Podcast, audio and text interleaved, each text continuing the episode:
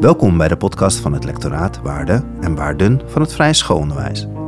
En ook de schilders die meegingen met Johan Maurits naar Brazilië laten hele blije zwarte mensen zien die daar uh, in slavernij werkten, maar die op de schilderijen vaak wel heel vrolijk zijn afgebeeld. Het belangrijkste is gewoon ervaren. Verschillen ervaren en kijken hoe je vooral zelf in elkaar zit. Maar wat mij toch weer heel erg terug naar de vrije school trok, was eh, de inhoud die zo past bij de leeftijd van de leerling. Ik ben Wouter Modderkolk, leraar economie op de Stichtse Vrije School in Zeist. Daarnaast doe ik promotieonderzoek naar leiderschap binnen het vrije schoolonderwijs.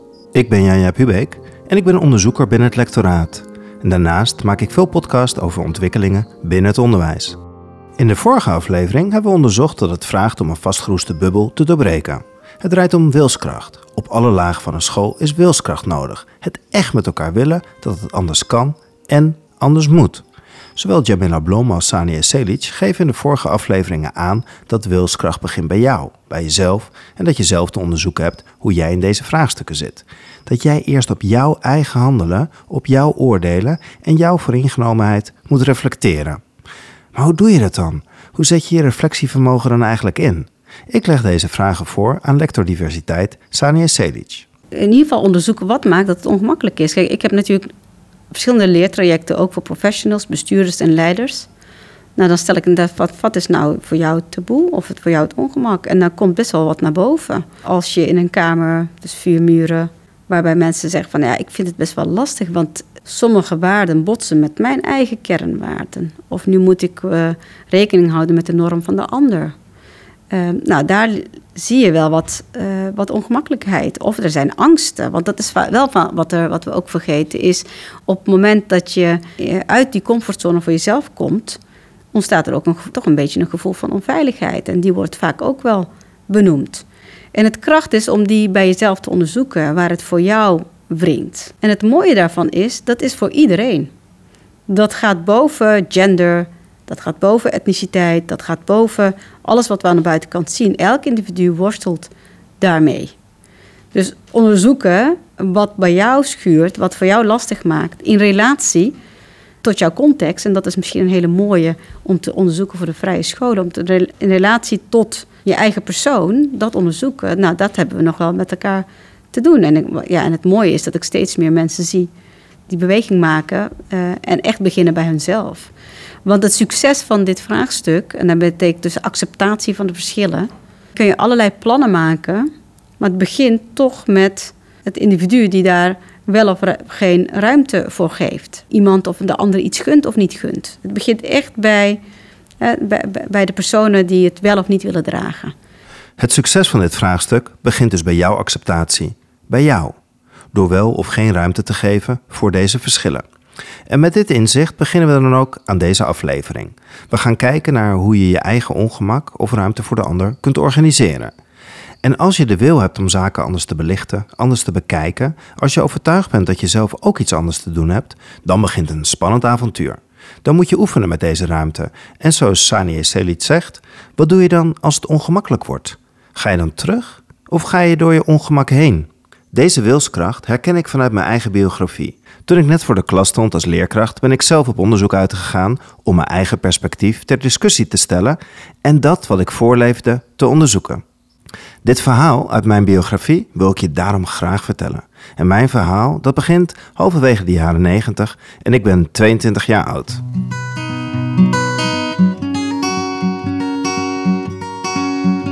Het is vrijdagochtend vroeg en zo vroeg dat de stad nog moet ontwaken. Ik stap achter de grote markt in Paramaribo op de postboot. Deze postboot gaat eens per week en ik zettel mezelf tegen een aantal jute zakken vol met rijst, cassave en andere groenten waarvan ik niet weet hoe je die moet klaarmaken. Om me heen een kleurig tafereel van vrolijke mensen gekleed in schitterende kleuren.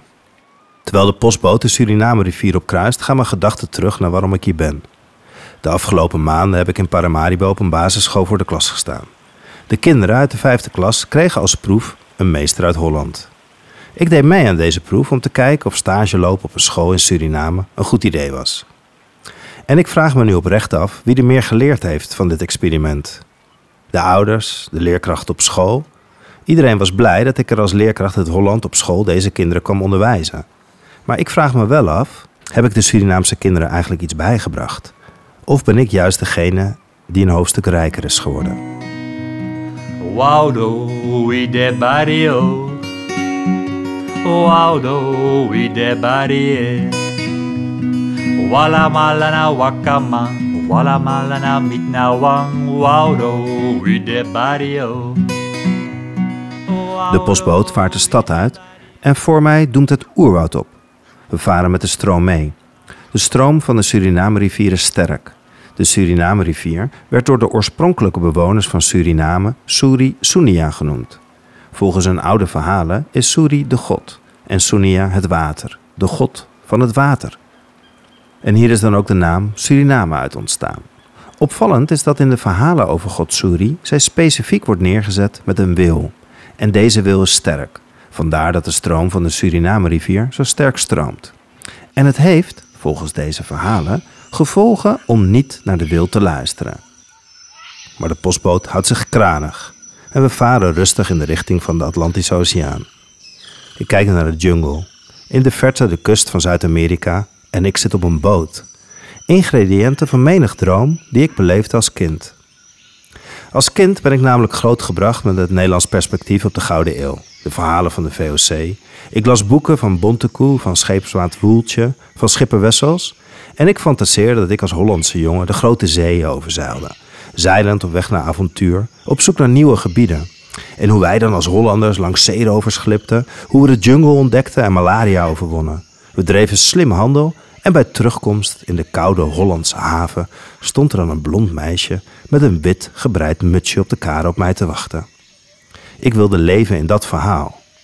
En deze fantasie bracht mij ongetwijfeld ook nu naar Suriname. Terwijl de postboot de Kommerwijnen rivier opdraait, lees ik het boek dat mij nu op pad door de jungle van Suriname stuurt. Op het eindeloze diepe blauw der oceaan vaart een vergat. Heerlijk in de gespannen statie van zijn stengen en stagen. In de welvende blankheid van zijn door de wind gezwollen zeilen. Geen stampende machines jagen het voort. Geen zwarte rookwolken besmeuren den blauwe hemelkoepel. Uit het kraaiennest gezien ligt het schip onder ons als een witte vis. Het schuim spat op tegen den boegspriet. Twee matrozen aan den helmstok zingen een oud, oud zeemansliedje. Dit is een fragment uit het boek Wij Slaven van Suriname, geschreven door Anton de Kom en voorgelezen door Chris Silos. Anton de Kom was een Surinaamse verzetstrijder en een antikolonialistische schrijver. En hierom werd hij gearresteerd in Suriname en vervolgens verbannen naar Nederland, waar hij dit boek over onze gezamenlijke geschiedenis van de slavernij schreef.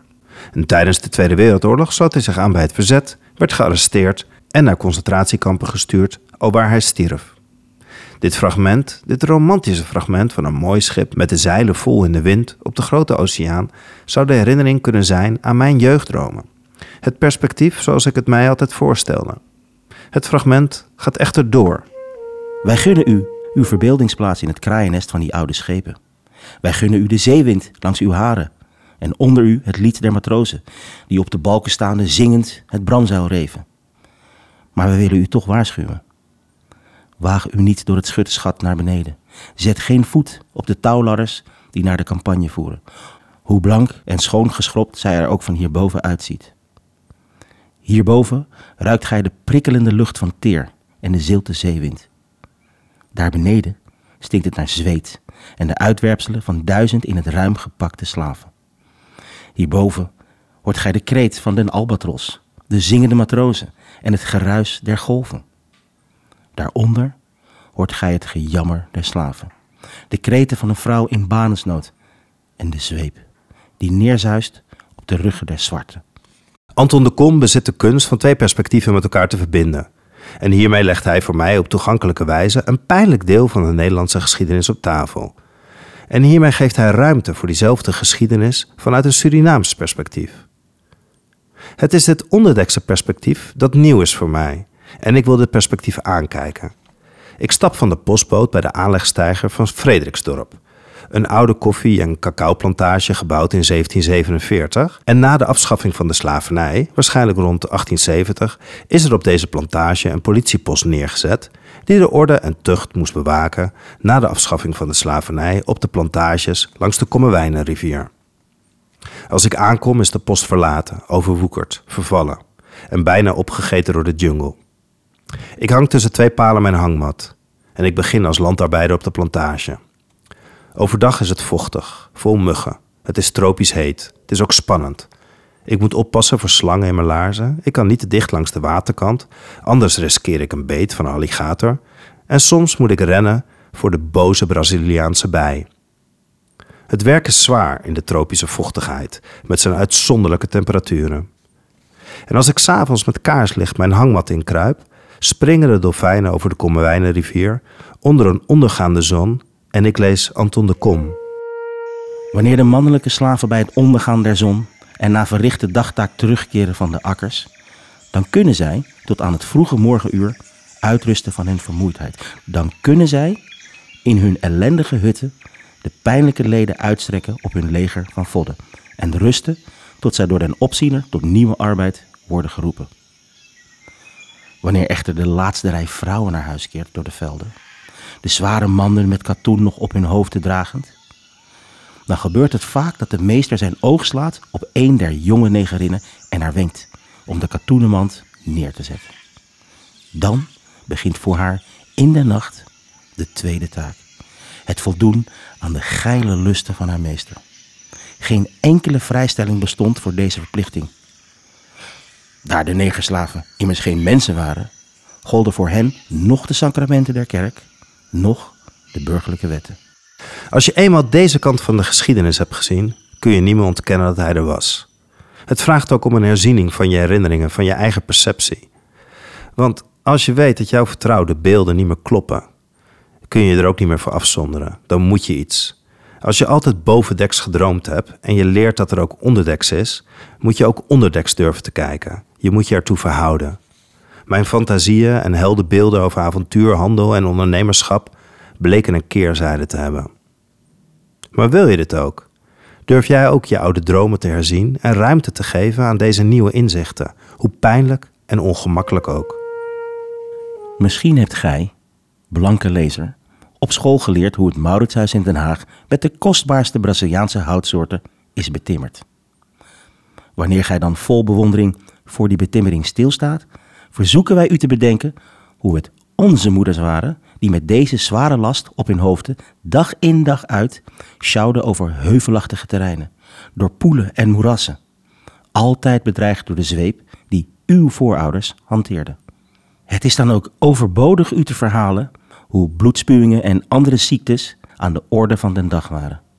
De slaven en slavinnen op deze houtplantages werden vroeg onbruikbaar en de bedrijfsleider hield rekening met hun snelle slijtage.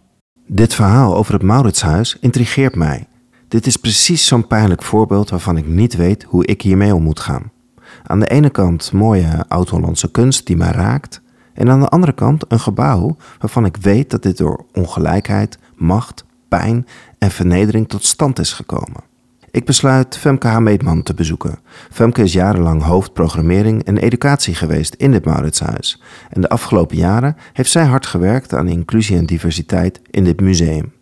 Nou, ik ben uh, Femke Hameedman, ik ben 48 jaar. Nou, het Mauritshuis heeft een van de mooiste collecties ter wereld als het gaat over de 17e eeuw. 17e eeuwse Nederlands, Noord-Nederlandse kunst. Rembrandt, Vermeer, Hals, zijn schilderijen die brengen je in de wereld van de gegoede burgerij, de 17e eeuw, want die konden die schilderijen natuurlijk betalen. Maar het straalt ook enorm vakmanschap uit. Je hoeft geen expert te zijn om te zien dat het kwaliteit is. En we hebben een, een van de beroemdste schilderijen ter wereld, Meisje met de Parel van Johannes Vermeer. De anatomische les van Dr. Tulp. Stier van Paulus Potter. Nou, heel veel mensen kennen het van koekblikjes of van paraplu's of van uh, Instagram of van TikTok, waar, dat ook, waar die beeldtaal in ieder geval ook steeds wordt herhaald. De afgelopen jaren heeft Femke hard gewerkt om meer perspectieven de ruimte te geven in dit museum. En ik ben benieuwd wat wij kunnen leren van haar ervaringen. Alleen er zat ook best wel schaamte en ik herken dat ook zeker bij mezelf is dat je al die jaren, ja, ik noem het altijd maar even de tijd dat ik dacht dat met warme chocolademelk op de bank en dan de prachtige Rembrandts. En het was een soort cocoenen in die 17e eeuw. Totdat je beseft langzaam dat je denkt, hoe kan ik dat over het hoofd hebben gezien? Ik, ik heb een soort drive om dat met zoveel mogelijk mensen te delen. Ik accepteer ook natuurlijk dat niet iedereen uh, zit te wachten erop. Nou, het museum traditioneel trekt ook wel echt uh, veel wat ouder publiek, hoger opgeleid. Laten we zeggen, ze lijken allemaal een beetje op Femke Meetman.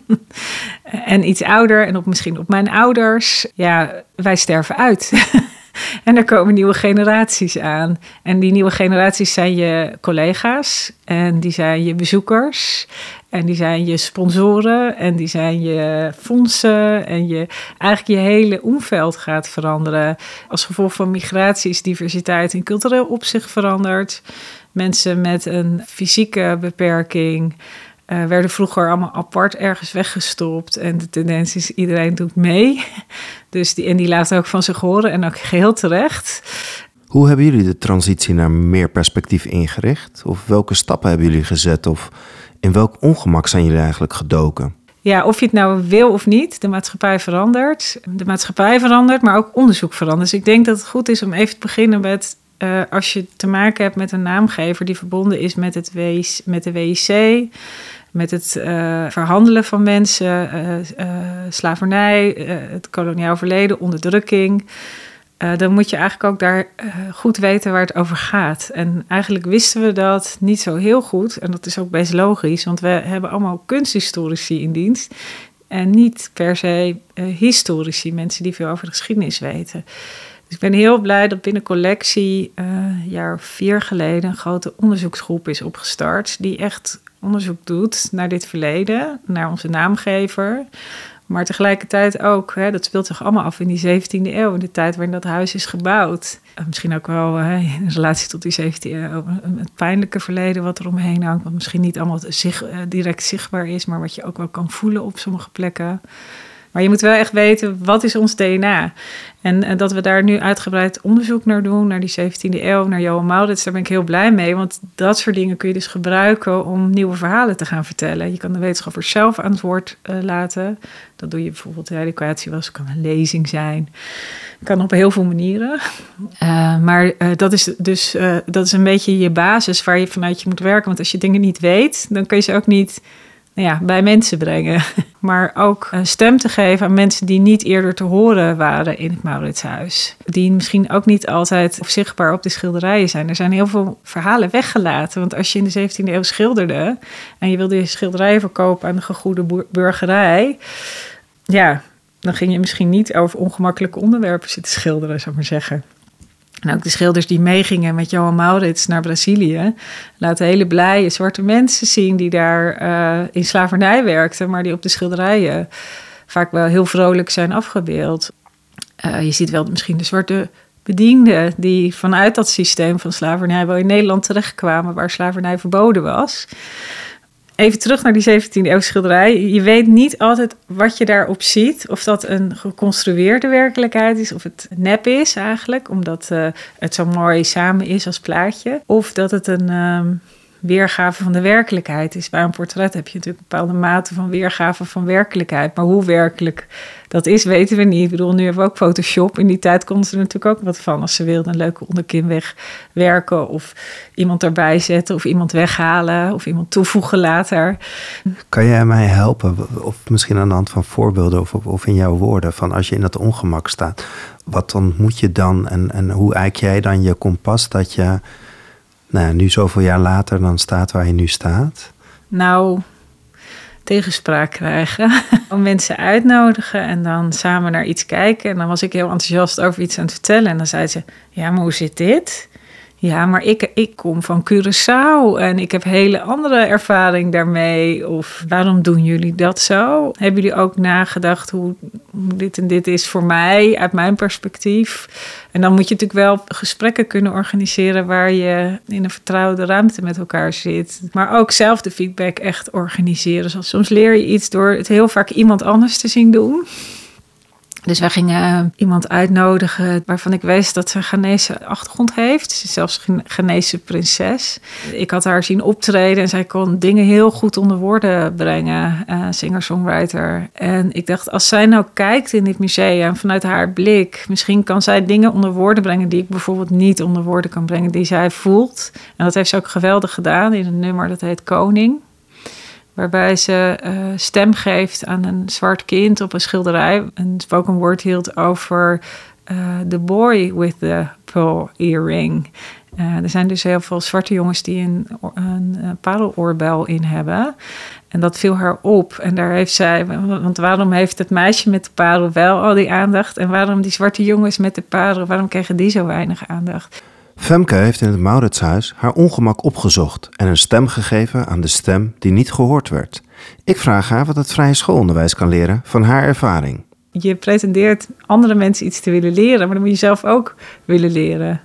Blijf gewoon nieuwsgierig en open. Ja, dat is denk ik echt uh, wat ik mee wil geven. Blijf leren. Nou, dat begint heel erg volgens mij met zelf van je, van je stoel afkomen. Want dit, is, dit doen we altijd al zo, dat is de makkelijke weg. Dus uh, ga met die mensen praten. Ga ze ook echt opzoeken. Ja, ik, ik heb, bij mij heeft uh, social media daar ook heel erg bij geholpen. Ik ben gewoon allemaal mensen gaan volgen die, om maar zo te zeggen, juist buiten mijn bubbel zaten. En daardoor wist ik opeens veel meer over onderwerpen die wel uh, te maken hadden met mijn vak educatie. Hè, want in die zin uh, scholen gaat ook over educatie. Maar die misschien ook andere en nieuwe verhalen vertelden. Kijk bijvoorbeeld naar kinderboeken. Er zijn zoveel kinderboekeninitiatieven nu die zoveel inclusiever aan het worden zijn dan zelfs toen mijn kinderen klein waren, een jaar of 10, 15 geleden. Um, de inclusieve kinderboekenwinkels. Uh, je kan ook boeken gaan bestellen. En dat, dat geeft al door, alleen al door dat soort dingen en schrijvers te vragen. Misschien zijn dat makkelijke ingang om eens te beginnen, die dicht bij, uh, bij het hart van de, wat een school is of waar een school voor staat. Uh, dus ik, ja, ik probeer dingen te lezen, mensen te volgen. Uh, maar ook ergens naartoe te gaan. Bij het Mauritshuis zijn we nu bijvoorbeeld fietstocht door Den Haag aan het maken. Want heel veel van onze medewerkers werken niet, wonen niet in Den Haag. Werken wel in Den Haag, wonen niet in Den Haag. Uh, we gaan langs allerlei maatschappelijke organisaties. En dan zie je ook dat er allerlei vragen zijn. En waar wij best wel iets mee kunnen. Ja, wacht niet tot mensen naar jou toe komen, maar ga naar mensen toe. Organiseer je eigen kritiek. Laat mensen eens meekijken en meedenken wees ook niet bang om dan uh, nou ja, om te falen of dat, dan gaat er ook wel eens iets niet goed. Hè? Mensen willen honderd dingen van je, maar je kan er maar twee. Dus je moet ook wel zeggen, sorry, nou, dat kan nu niet. Maar niet altijd blijven zeggen, hè, wij doen het altijd al zo, dus we blijven doen. Dat lijkt me een slecht uitgangspunt voor welke organisatie dan ook. Wat hebben we dan te doen als we echt naar een schoolbeweging willen gaan met meer inclusie en diversiteit? Ida Oberman die zei tijdens een lezing: Diversity is a verb. Het is een werkwoord. Wat je moet willen, is dat je in verbinding blijft met de gemeenschap. Dus je moet blijven resoneren met de gemeenschap. En dat kun je op heel veel manieren doen. En ik denk dat we juist binnen het vrije schoolonderwijs onze jaarfeesten echt gewoon om daarmee te gaan beginnen, kunnen aangrijpen om de gemeenschap erbij te betrekken. Dus de plek waar je staat als school. Maar dat is niet het enige, want mensen die voelen zich niet welkom als we nog een aantal andere dingen gaan doen. En ik denk dat Karen, de docent uit Zeist, dat op ook een pijnlijke manier duidde en, en aangaf in ons gesprek. Het is natuurlijk super duidelijk dat heel veel mensen van kleur niet voor de vrije school kiezen omdat het een witte school is. Hè? Dus dat is een perpetuum mobile, dat houdt zichzelf in stand. Dat is een soort van negatief feedbackmechanisme. Waarvoor geldt dat uh, soort zoekt soort. Dat is gewoon zo. Er zijn mensen van kleur die hebben wel over die Steiner pedagogiek gehoord. Wat hun aanstaat. Er was een moslimgezin die zat in Haarlem op de vrije school. En die uh, moeder die vroeg ik van... Goh, wat leuk dat je hier bent en hoe ben je hier terechtgekomen? Toen zei ze, ja, toen ik de school binnenkwam... Toen voelde ik dat mijn kind hier wordt gerespecteerd. Het wordt gerespecteerd in het kind zijn. Mijn kind mag hier nog kind zijn. En dat hele speelse, dat wil ik behouden. Voor haar was dat dus genoeg. En ik vond dat geweldig. Maar dan hoorde je dus allerlei andere ouders zeggen van ja, ze weten helemaal niks over antroposofie. En dan is er informatieavond. Wie zien we? Nou, niet die moslimouders. Nou, ik werd daar echt giftig van. Want als er iemand had gezien wat de uitwerking was van die vrije schoolpedagogiek, namelijk dat je kind een kind mag zijn, nou, dan waren het die moslimouders wel. Ik vond dat heel pijnlijk. De islam past hier niet. Die hoort hier niet. Ja, van oorsprong was dit een christelijk land. Wat, wat, wat bedoel je daarmee? Wat, wat is een christelijk land? En dan, dan beroepen ze zich op een soort van geschiedenis. Waar, eh, waar een religie dan kan gedijen. En dat, daar hebben wij al onze normen en waarden van. Terwijl ik vind dat heel pijnlijk, want ik zie Nederland eigenlijk als een soort schoolplein. Iedereen die hier op school komt, die heeft recht op mijn onderwijs, een recht op mijn manier van gelijke behandeling. En zo is dit, dit land ook. Op het moment dat jij dit land binnenkomt en je woont hier en je betaalt hier belasting en je bent Nederlander, dus heel veel mensen van kleur zijn Nederlander met een Nederlands paspoort of een Nederlands verblijfsvergunning, dan ben je hier welkom en je hoort hier dus. Dus ik vind per definitie hoort de islam in dit land. En als je durft te zeggen dat, dit, dat deze religie hier niet hoort, eigenlijk zeg je daarmee dat een moslimkind niet welkom is op deze school. Ja, dit doet, als ik dit hoor, ook, ook pijn. En tegelijkertijd voel ik ook wel een bepaalde herkenning hierin. De oordelen die we hebben binnen het vrije schoolonderwijs over ben je wel antroposofisch genoeg, verdiep je je er wel in. Terwijl de uitwerking die het vrije schoolonderwijs heeft op het kind, en als dat gezien wordt en gewaardeerd wordt, dan is dat denk ik hartstikke goed. Een ouder hoeft niet van mij Steiner te lezen om te zien dat vrije schoolonderwijs voor het kind werkt. Maar daar wordt dan toch weer over gesproken van ja, je moet er genoeg over weten, je moet er genoeg over leren, je moet weten wat precies bedoeld wordt. Maar dat is denk ik helemaal niet een vraagstuk van ouders en van leerlingen om dat te weten. Nou, en die oordelen, die voelt zo'n ouder. Die voel je als die over jou worden gegeven. En dat is ook bij sommige leraren die binnen het vrije schoolonderwijs komen, uh, die zich niet welkom voelen, want ze voelen gewoon de oordelen die ze krijgen over van ja, jij bent niet antroposofisch genoeg, jij bent niet van ons. Als we dat blijven doen, dan hou je dat perpetuum mobile waar Karen het over had, van dan blijft de witte school een witte school. Want op het moment dat er iemand komt met een andere kleur, dan voelt hij dat hij anders is. En er misschien wel niet bij mag horen, maar in het geval van het voorbeeld van de leerling uit Rotterdam met een hoofddoek, uh, die voelt ook steeds die blikken. We moeten onszelf in de spiegel kijken en over die onbewuste vooroordelen die we hebben, en in dit geval is het een zeer bewust vooroordeel, dat we daar overheen gaan stappen. Dat vraagt ook weer de wil om dat te zien, om in de spiegel te kijken, om te zien dat mensen anders zijn en dat ook te accepteren. Dus dat is eigenlijk een innerlijke omslag die nodig is. Maar naast die innerlijke omslag is ook een uiterlijke omslag nodig. En, en dat, dat zit echt in uiterlijke kenmerken. Uiterlijke kenmerken? Hoe ziet een school er eigenlijk uit? Hoe richt je een school in? Hoe inclusief ben je eigenlijk daarbij naar andere perspectieven? En welk ongemak hebben wij hierin aan te kijken? Deze vraag leggen wij voor aan Anna Vogel, docent aan de leraaropleiding van de Vrije School. Een van de uiterlijke kenmerken die zo heel erg in het oog springen als je een vrije school binnenkomt, dat is de seizoentafel. Dat is een tafel waarop schatten uit de natuur worden verzameld, waar van wol en vilt en hout poppetjes worden gemaakt. Een moeder aarde met haar wortelkindertjes die de aarde in de lente tot leven wekt. En uh, kaboutertjes en uh, nou, wat wij dan de elementenwezens noemen. Dat is over het algemeen een tafel waar alleen maar witte figuurtjes te zien zijn. We hebben ook een kleur in ons krijtdoosje en ons potlodendoosje. Dat is decennia lang huidskleur genoemd. En dat is een roze um, potlood en een roze krijtje. Dus huidskleur is voor ons in onze school heel lang roze geweest. Al die seizoentafels zijn roze, al die poppetjes zijn roze. Nou, daar, dat is, dat is een, een, heel makkelijk voorbeeld, wat je ook gelukkig op veel vrijscholen nu al ziet. Dat die seizoentafel langzamerhand kleur krijgt en dat je ook eens een zwarte, een donkere moederaarde uh, ziet. Of, um, nou ja, het is natuurlijk ook in de Zwarte Pieten discussie uh, uh, uitgebreid aan bod gekomen dat daar verschillende kleuren mogelijk zijn. Dus daar hebben we van gedacht van, goh, ja, dat kunnen we gewoon doen. De ouderwetse boeken die je op elke vrijschool en in elk vrijschoolgezin vindt, hebben over het algemeen allemaal witte figuren.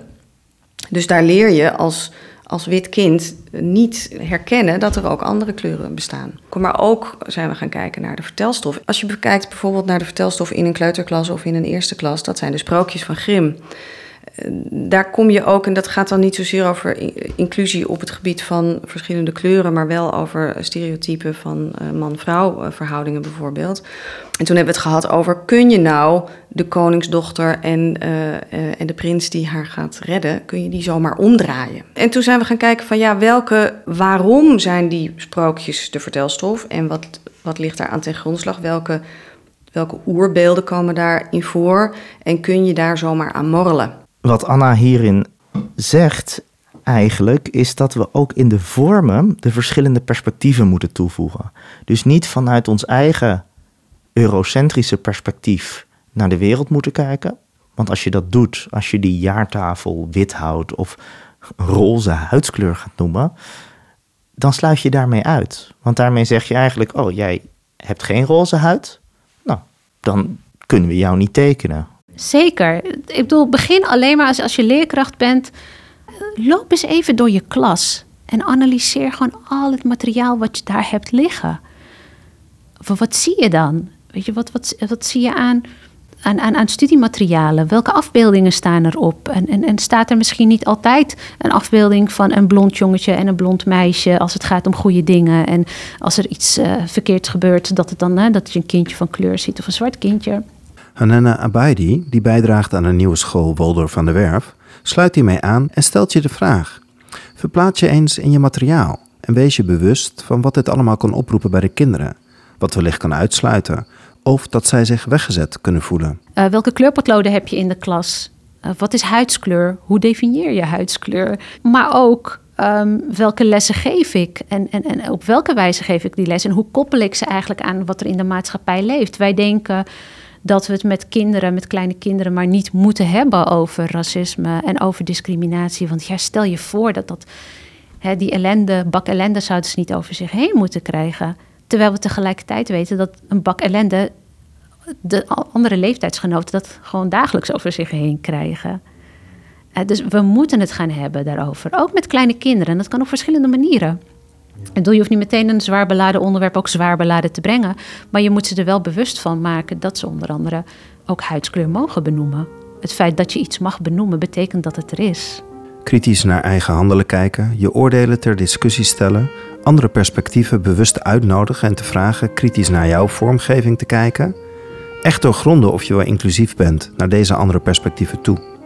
Meebewegen, een sterke stroom, de kracht van hoe wij vorm hebben ingericht. Het doet mij denken aan de Suriname-rivier, een stroom met een sterke wil. Om hier tegen in te zwemmen is wilskracht nodig. Met deze inzichten zoeken Wouter en ik lector Waarde en Waarden van het vrije schoolonderwijs Aziza Meo op en vragen haar een reactie op wat we nu beluisterd hebben over wat wij te doen hebben in ons onderwijs. Een klas is vol, hè? dus we hebben bepaalde grenzen.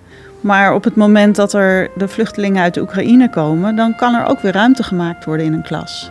Dus als, het appel, als we het appel sterk genoeg ervaren, zijn we, zijn we bereid om grenzen te verleggen die voorheen als het ware onneembaar leken of vast, vastgezet leken. Dus hier is ook de vraag van ja, wat heb je nodig om het appel te horen, om het appel te voelen en daar ook een antwoord op te willen geven.